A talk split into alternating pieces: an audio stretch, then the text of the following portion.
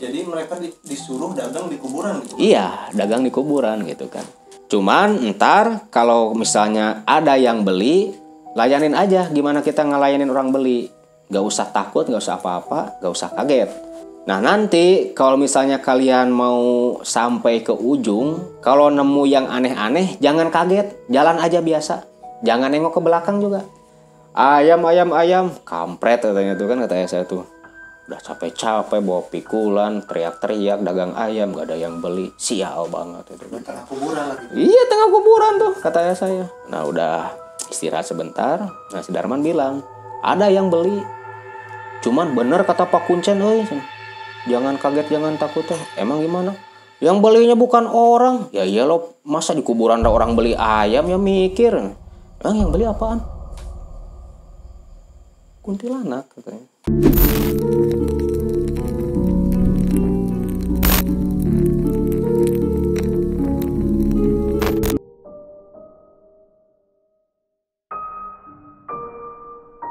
Kang, jadi untuk video kali ini Kang Maman mau bercerita tentang apa sih, Kang? Eh, untuk yang kali ini saya mau menceritakan tentang pesugihan uang balik ya. Nah, pesugihan uang balik itu seperti apa sih, Kang? Eh, uang balik banyak sih. Eh, ada uang balik, ada uang bibit. Nah, Itu masih satu jenis. eh, satu jenis juga, cuman beda juga sih. Bedanya gini, kalau uang bibit itu biasanya eh, uang lembaran 100 ribuan, jadi uang yang nominal paling gede lah. 100 ribu kan yang paling gede kalau di kita uang 100 ribu. Nah itu dikasih rajah tertentu, dikasih rajah biasanya pakai tinta japaron merah, dikasih rajah dengan bahasa-bahasa Arab dengan huruf-huruf Arab gitu kan. Nah itu disimpan di dompet kalau uang bibit. Nah, jadi bukan si uang bibit ini uang yang 100 ribu beranak. Enggak.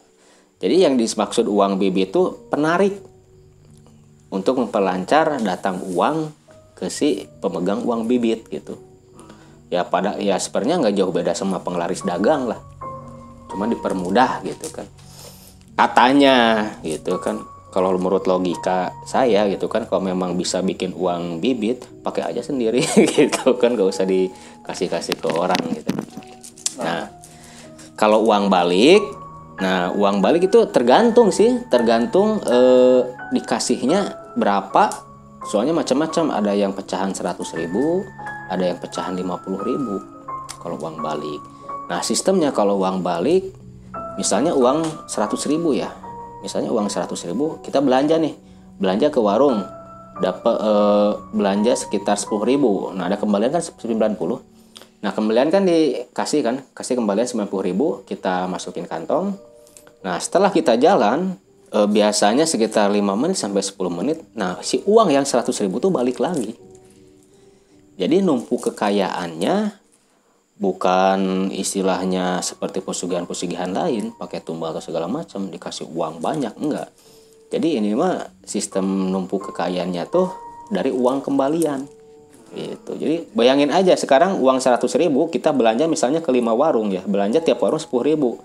Kembalian 90 ribu uang yang 100 nya kan balik lagi. 90 kali 5 berapa? 450 ribu kan? Nah, Kang Maman tentang pesugihan uang balik ini punya cerita nggak Kang yang bisa dibagikan? ada ada. Cerita yang pertama tuh eh, semua kisah nyata ya nggak ada rekayasa. Memang benar-benar nyata. Eh, kalau cerita yang pertama itu cerita ayah saya dulu.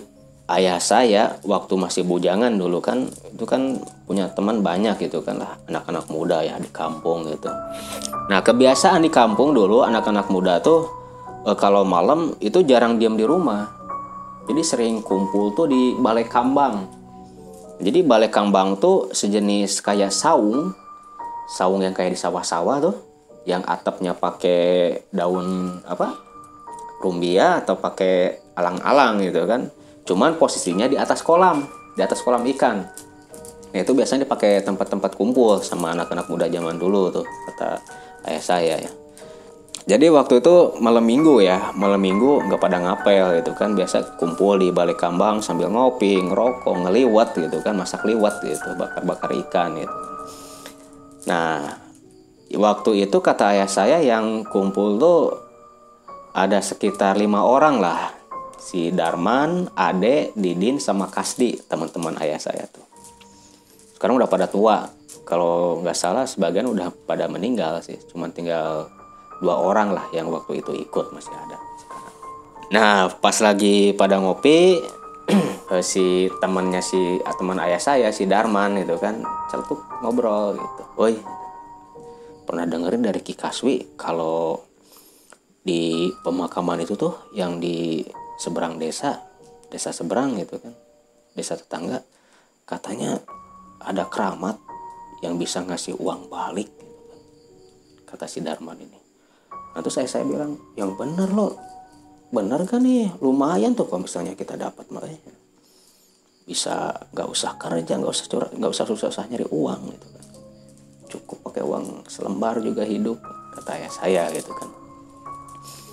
Beneran kan nih? Kata ayah saya tuh. Serius beneran kata si Darman ini.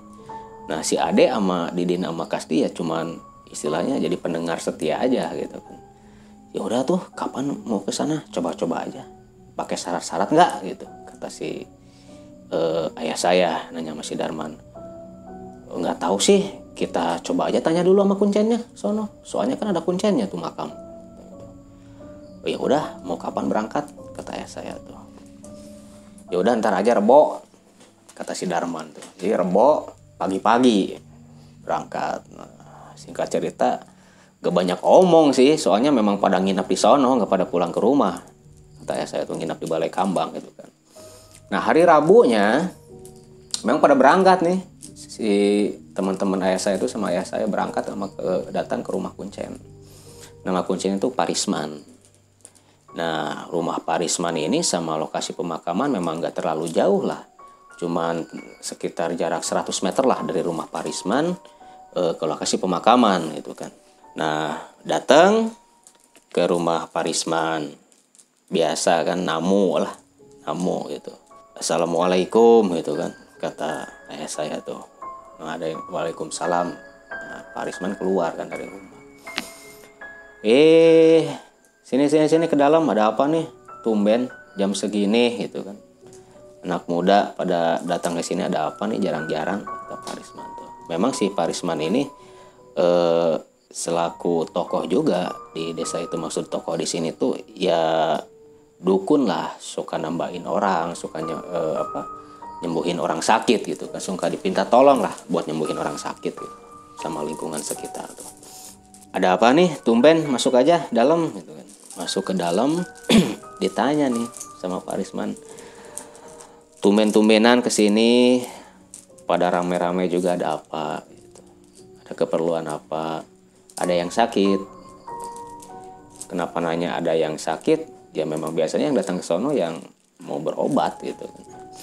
Enggak apa enggak ada yang sakit. Cuman gini nih saya kan pernah dengar dari tetangga rumah eh, katanya bapak yang jadi kuncit pemakaman itu ya?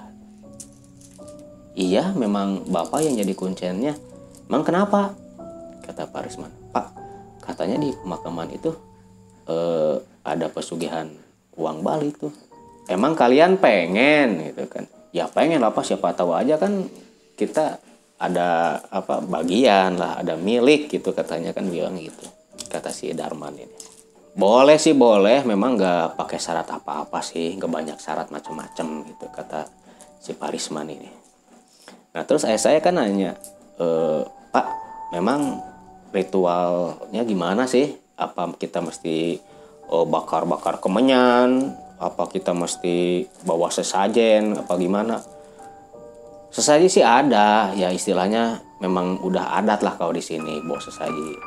Nah jadi kata si Parisman ini gitu yang jadi sesaji itu gak macam-macam sih cuman kembang tujuh rupa terus telur ayam kampung rokok kayak serutu itu kan banyak di pasar di tukang kembang lah rokok serutu siong biasanya namanya tuh rokok siong.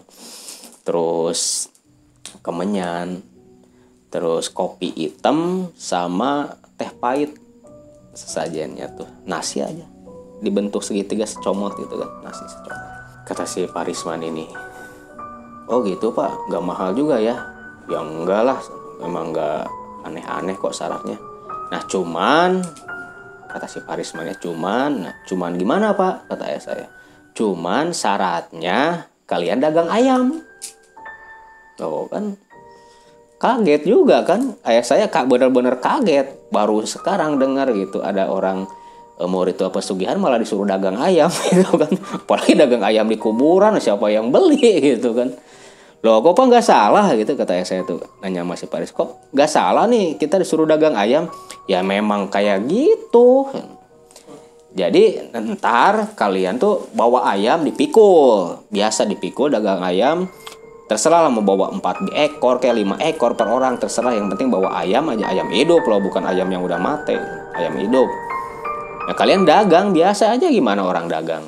Jadi ntar kan e, masuk gerbang makam nah kalian biasa aja dagang. Kayak orang dagang gimana? Manggil manggil ayam ayam ayam apa gimana? Terserah kalian deh kata si Parisman ini.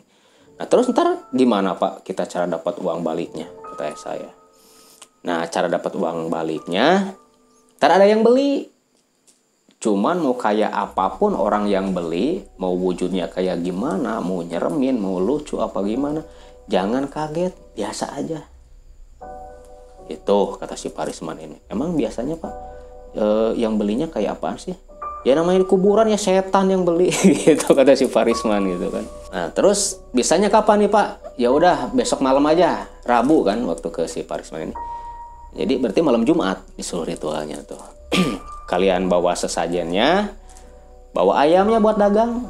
Itu masing-masing bawa aja empat orang, empat ekor apa dua ekor gitu. Jadi mereka disuruh dagang di kuburan gitu. Iya, dagang di kuburan gitu kan. Nah, biar kalian gak nyasar, kata si Parisman itu, cek aja dulu deh, survei ke kuburan sono. Gitu. Nah, pas berangkat itu, yang lima orang ini ayah saya Darman Ade Didin sama Kasdi kan oh, berangkat waktu di jalan kan waktu di jalan gitu lagi jalan kaki mau ke kuburan uh, ini teman-teman saya kan pada semangat banget. Semangat jalan gitu kan sambil ngerokok anak muda lah. Nah kata si Didin ya woi kalau misalnya kita sukses nih dapat uang balik bayangin aja seorang seratus ribu. Kebayang gua nggak usah kerja kayak tinggal ongkang-ongkang kaki berangkat aja jajan aja terus ke warung. Itu kan kata si Dede ini. Udah lo nggak usah banyak omong kita survei lokasi aja dulu. Nah masuk ke lokasi. Jadi lokasi itu masuknya ke gerbang ya. Gerbangnya kayak gapura gitu kayak gapura. Nah kiri kanannya tuh kuburan semua. Pemakaman umum.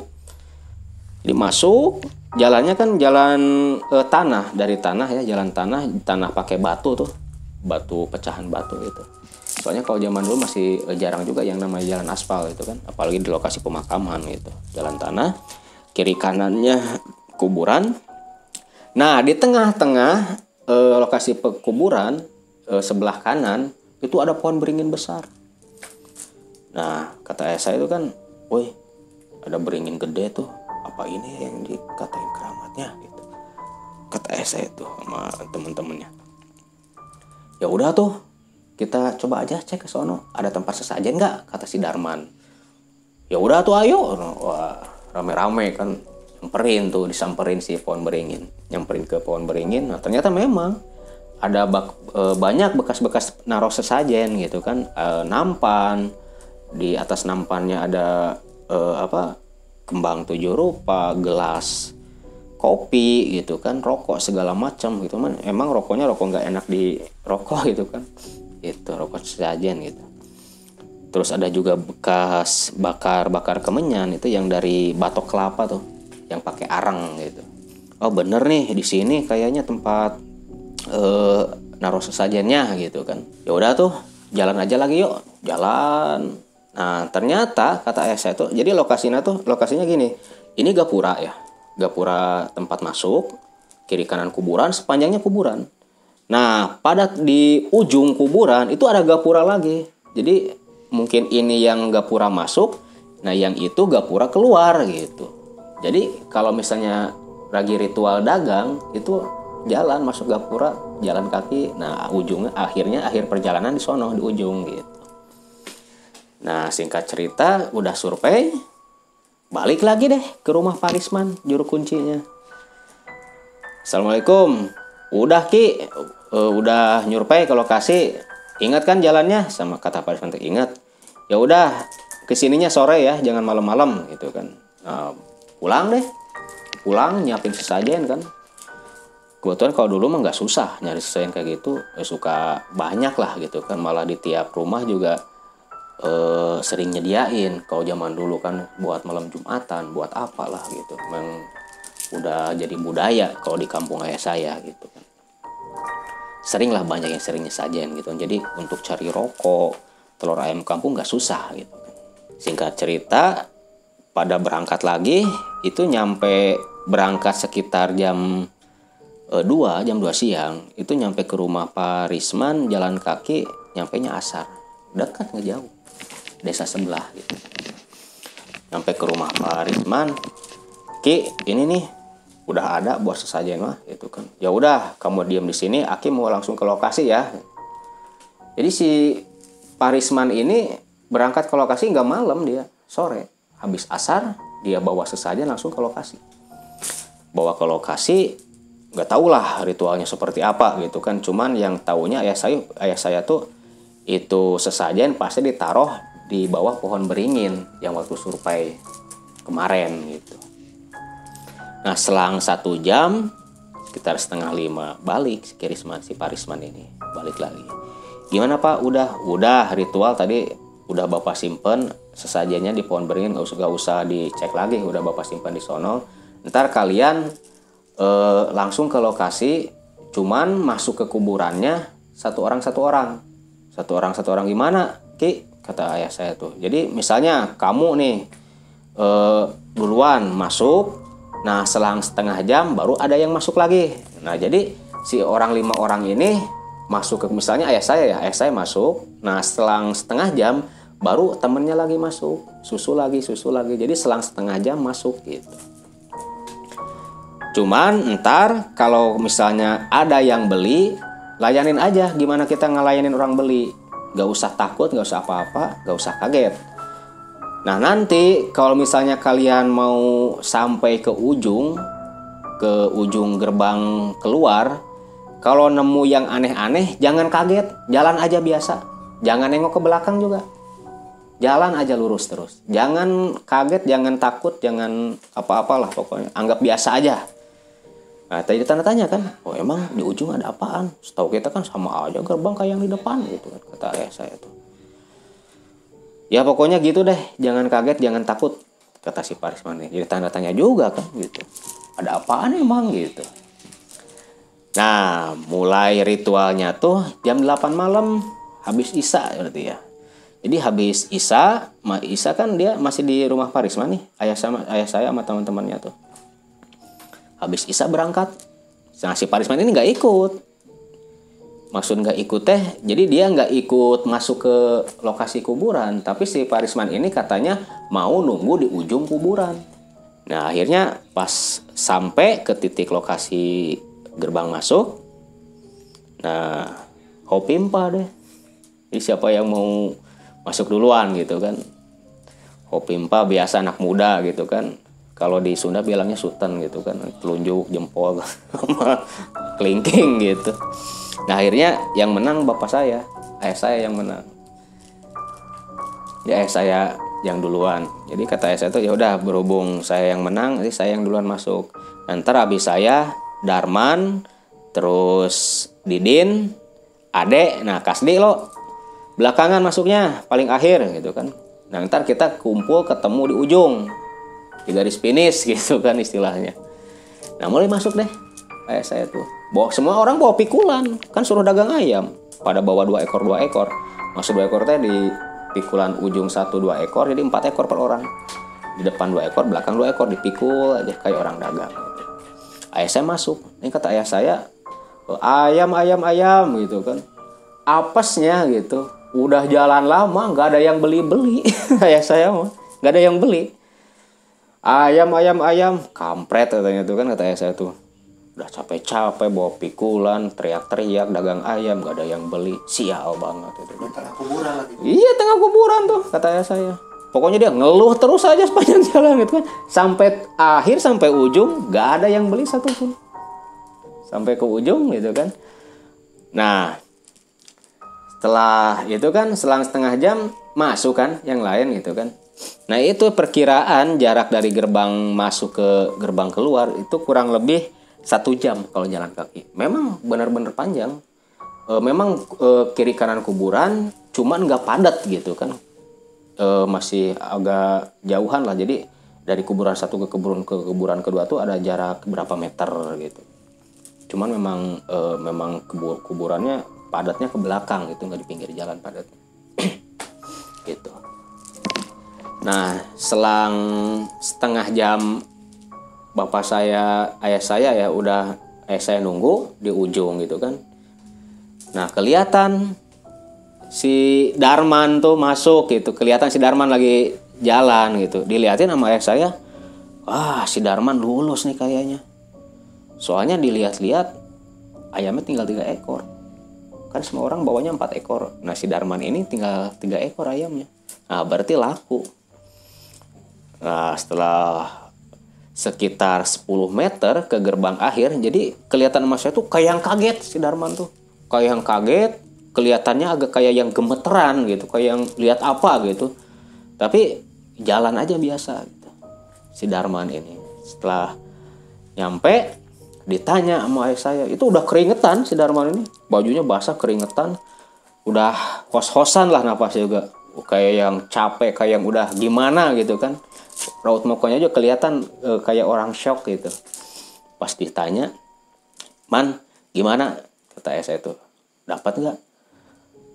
Ntar dulu ntar dulu ngomongnya. Kata si Darman ini. Capek gua. Eh lo ditanya kok malah diam. Bentar-bentar nah udah istirahat sebentar nah si Darman bilang ada yang beli cuman bener kata Pak Kuncen oi jangan kaget jangan takut ya emang gimana yang belinya bukan orang. Ya iya lo, masa di kuburan ada orang beli ayam ya mikir. Bang yang beli apaan? Kuntilanak. Kunti. Dalam sambil ya mungkin agak shock juga kan. Kunti yang beli. Terus uangnya berapa? Nih. Ini uang pecahan 50 ribu. 50 ribu zaman dulu kalau nggak salah yang gambar Pak Harto apa siapa ya lupa lagi. Ntar dicek aja lah uang 50 ribu yang agak gede tuh lembarannya. Uang 50 ribu. Ya syukur deh lo dapat lumayan tuh kata saya tuh kan. Terus tadi lo 10 meter dari gerbang keluar saya lihat lo kayaknya kayak yang takut kayak yang kaget sampai gemeteran. Emang lihat apaan gua nggak takut gimana orang di pinggir gerbang emang gak kelihatan emang lo lihat apaan gitu kan Ya itu macan lagi diaduk. Emang gak kelihatan? Untung aja ingat sama omongan Pak Kuncen, jangan kaget, jangan takut. Ya nyelonong aja. Itu kata si Darman. Jadi kata si Mang Darman ini di kiri kanan gerbang yang mestinya gapura itu bukan gapura kelihatan sama dia tuh. Jadi macan dua. Macannya juga gede banget katanya. Jadi kayak macan dua lagi mau lagi diadu gitu. Kayak mau berkelahi gitu si macan ini. Sampai ngegerem segala macam gitu kan. Kelihatan sama si Mas Dasi Mang Darman ini gitu. Cuman berhubung dia ingat pesan sama pesan si Parisman Kuncen jangan takut jangan kaget. Ya dia nguat-nguatin diri. Makanya kelihatan sama ayah saya gemeteran. Kayak orang takut shock gitu kan. Cuman tetap jalan gitu nah setelah gitu kelihatan deh dari jauh kayaknya si Kasdi tuh kata saya tuh si Kasdi tuh lulus aja Nah, ntar lihat liatin aja gitu kan. Nah si Kasti kelihatan laku juga dia. Laku si Kasdi ini. Udah kan dari jarak sekitar 20 meter juga kelihatan yang namanya bawa pikulan ayam gitu kan walaupun gelap kelihatan gitu. Soalnya agak lagi terang bulan juga gitu, eh, remang-remang lah. Jadi di pikulan depan ayam udah nggak ada satu gitu. Lah bener lulus tuh. Cuman pas jarak 10 meter dari gerbang gerbang keluar sama kejadiannya kayak si Mang Darman. Gemeteran kayak orang kaget kayak orang takut. Cuman bukannya jalan dia malah lari ke pinggir. Lari ke pinggir jadi dia ngambil arah muter gitu. Ya kayak takut sampai teriak gimana aja orang kaget orang takut itu kan teriak wah gitu. Dia lari ke kanan muter gitu kan. Ini kan gerbang. Nah ini pinggirnya tuh dipakai pagarnya kayak pagar singkong tuh pohon singkong. Pagar hidup. Dia lari ke kanan. Gerbang di sini dia lari ke kanan. Ini pada di sini ayah saya kuncen sama si Mang, Mang Darman udah di situ gitu kan. Dia lari ke sini. Muter. Gitu. Muter nyampe. Capek kan ya namanya orang udah lari. Ditanya belum menjawab gimana di kata ayah saya tuh. Laku laku sih. Nah terus kenapa lari? Gak lari gimana? Orang itu macan lagi berantem mau ngerontok gitu katanya tuh. Jadi kelihatan sama si Mang Kasri ini si macan yang lagi berantem kata ya sama sama si Mang Darman gitu kan macan mau berantem. Cuman kelihatan sama dia si macannya itu mau nerekam ke si Mang Kasdi gitu. Kelihatan sama si Mang Kasdi ini mau nerekam gitu kan mau loncat sih makanya dia lari ke kanan gitu. Ya mestinya jangan lari loh jalan aja biasa. Kasih Darman juga jalan biasa gitu kan. Ya gimana lah orang kaget. Terus laku berapa tuh ayam? 50 ribu kalau nggak salah. Mana uangnya? Pas ngodok p ngodok ini celana itu kan di saku. Dia gini dipegang semua sakunya. Kok nggak ada ya? Perasaan udah gua masukin loh. Nggak ada kok. Ternyata hilang. Nah kata si Parisman mestinya tadi jangan lari. Ya itu resikonya. Kalau kamu lari nggak nerusin jalan uangnya hilang. Itu. Ya udah gimana lagi kan? Udah terlanjur gitu kan? Ya istilah istilahnya eh, cuma dapat pengalaman doang gitu kan si Mangkasti ini. Ya nyesel juga kata saya si Mangkasti itu. Nyeselnya ya udah capek-capek juga kan udah nekat-nekatin. Eh, ternyata uang hilang gitu. Nah saya tanya yang beli lo siapa? Tengkorak. Jadi kata si Mang Kasdi, kalau si Mang Darman yang belinya kuntilanak gitu, si Mang Kasdi ini tengkorak, ini tengkorak hidup, kayak jerangkong atau jerangkong ini tengkorak hidup beli ayam katanya, gitu. Sama pecahannya lima puluh ribu juga, cuman berhubung gak lulus, uangnya hilang gitu. Nah terakhir si Mang ini apa, Mang Ade. Nah si Mang Ade yang tadinya rencana uh, gentina gen mau belakangan berangkatnya gitu eh, mau uh, kedua berangkat setelah saya berhubung dia uh, agak takut juga gitu kan gemeteran. Nah, akhirnya dia berangkat belakangan. Jadi yang terakhir nih si Mang Ade si Mang Ade jalan nasibnya sama sama ayah saya. Gak ada yang beli satupun gagal total. Jadi cuma satu orang yang lulus gitu kan. Nah akhirnya uh, pulang ke rumah si Parisman ini. Istirahat gitu kan istirahat di rumah Parisman.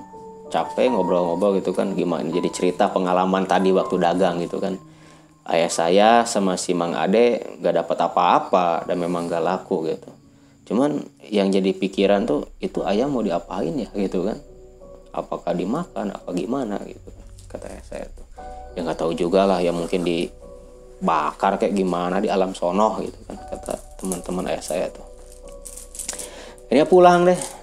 Pulang tuh sekitar jam 12 malam. Jadi kata ayah saya jadi si Mang Darman ini e, biasa aja sebenarnya maksud biasa itu jadi oh enggak langsung kayak mendadak atau gimana enggak jadi si Mang Darman ini kerjaan tuh kerjanya tuh jadi kalau dari rumah kayak orang biasa berangkat kerja cuma sebenarnya dia nggak kerja kata saya tuh dia kerjanya cuma jalan eh mapai-mapai eh bukan mapai-mapai. Jadi jalan ke Basina siapa ya? Ke Basina kan mapai-mapai gitu kan. E, nelusur warung lah.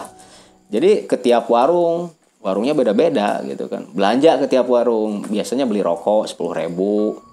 Terus aja beli rokok, beli apa kek. Cuman nggak dia tuh belanja nggak lebih dari sepuluh ribu.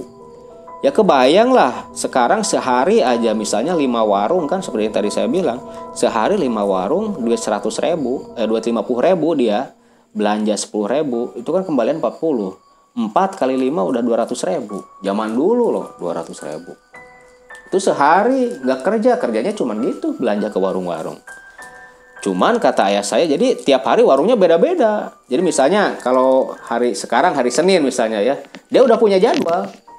Hari Senin, eh, misalnya ke desa A ya belanja operasinya tuh ke desa A nyari-nyari warung.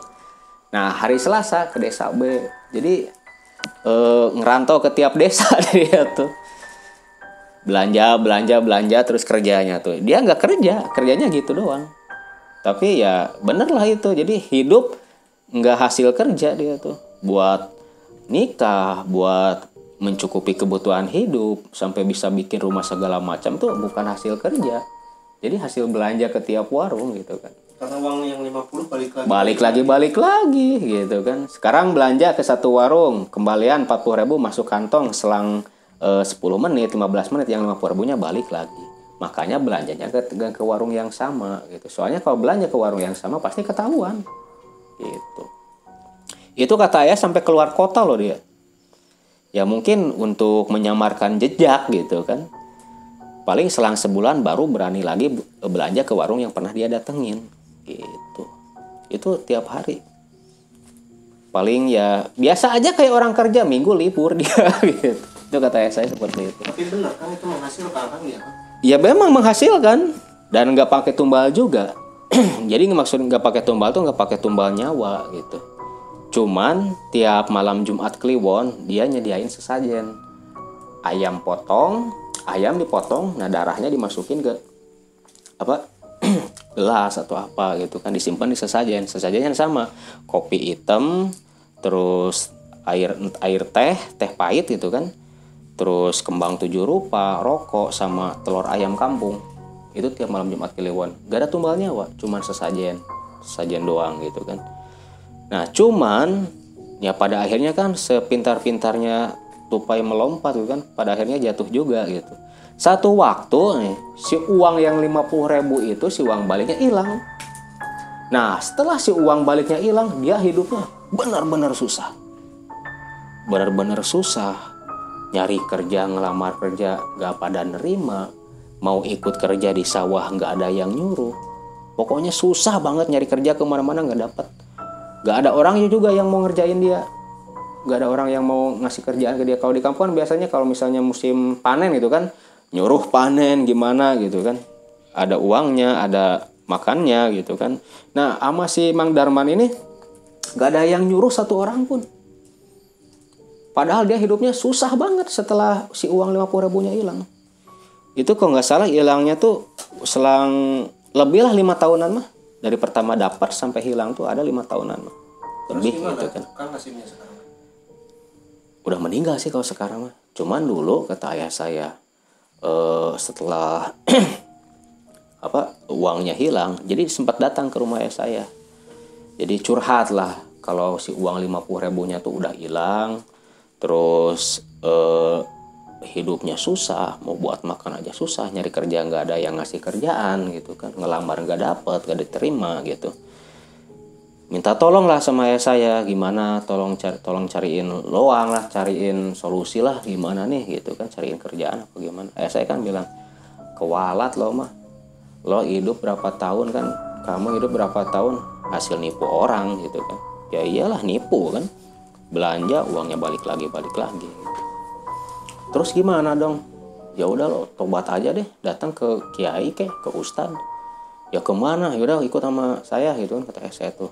Nah kebetulan eh mertua ayah saya adik mertua ayah saya itu kan punya pesantren gitu. Dibawa ke sono. Di rukyah kata ayah saya itu di rukyah eh, terus disuruh mandi tobat sholat tobat segala macam gitu kan. Nah setelah mengamalkan apa yang dikasih sama adanya kakek saya di pesantren mulai deh kehidupannya bertahap membaik. Jadi yang tadinya susah cari kerja, kerja ya agak gampang lah. Ada orang yang nyuruh kerja serabutan gitu. Nah mulai agak membaik setelah tobat dia jadi pada akhirnya dia bertobat juga ya? Hmm. Nah itu eh, cerita pesugihan uang balik dari ayah saya ya.